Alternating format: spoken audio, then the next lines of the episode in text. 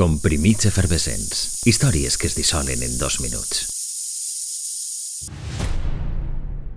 En l'Europa adolorida per la guerra, que les ràdios i televisions públiques organitzaren alguna cosa en comú fou quasi un miracle.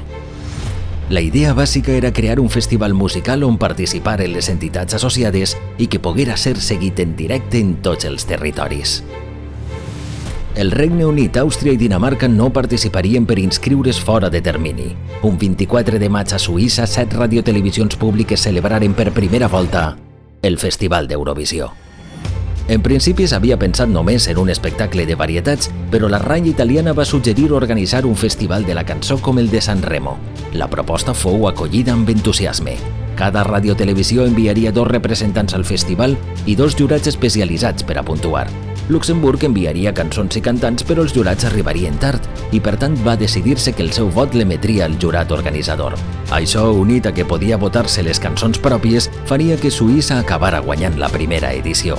No hi ha pràcticament que se sàpia documentació audiovisual de l'Eurocita, només es conserva quasi totalment la seva versió radiofònica.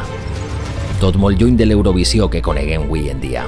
L'únic aspecte que pot ser encara perdura és la sintonia de l'Euroconnexió, L'arxiconeguda melodia forma part d'un Tedeum composat el segle XVII per Marc-Antoine Charpentier que commemorava una batalla, i no precisament musical com la que avui fa 61 anys, el 24 de maig de 1956.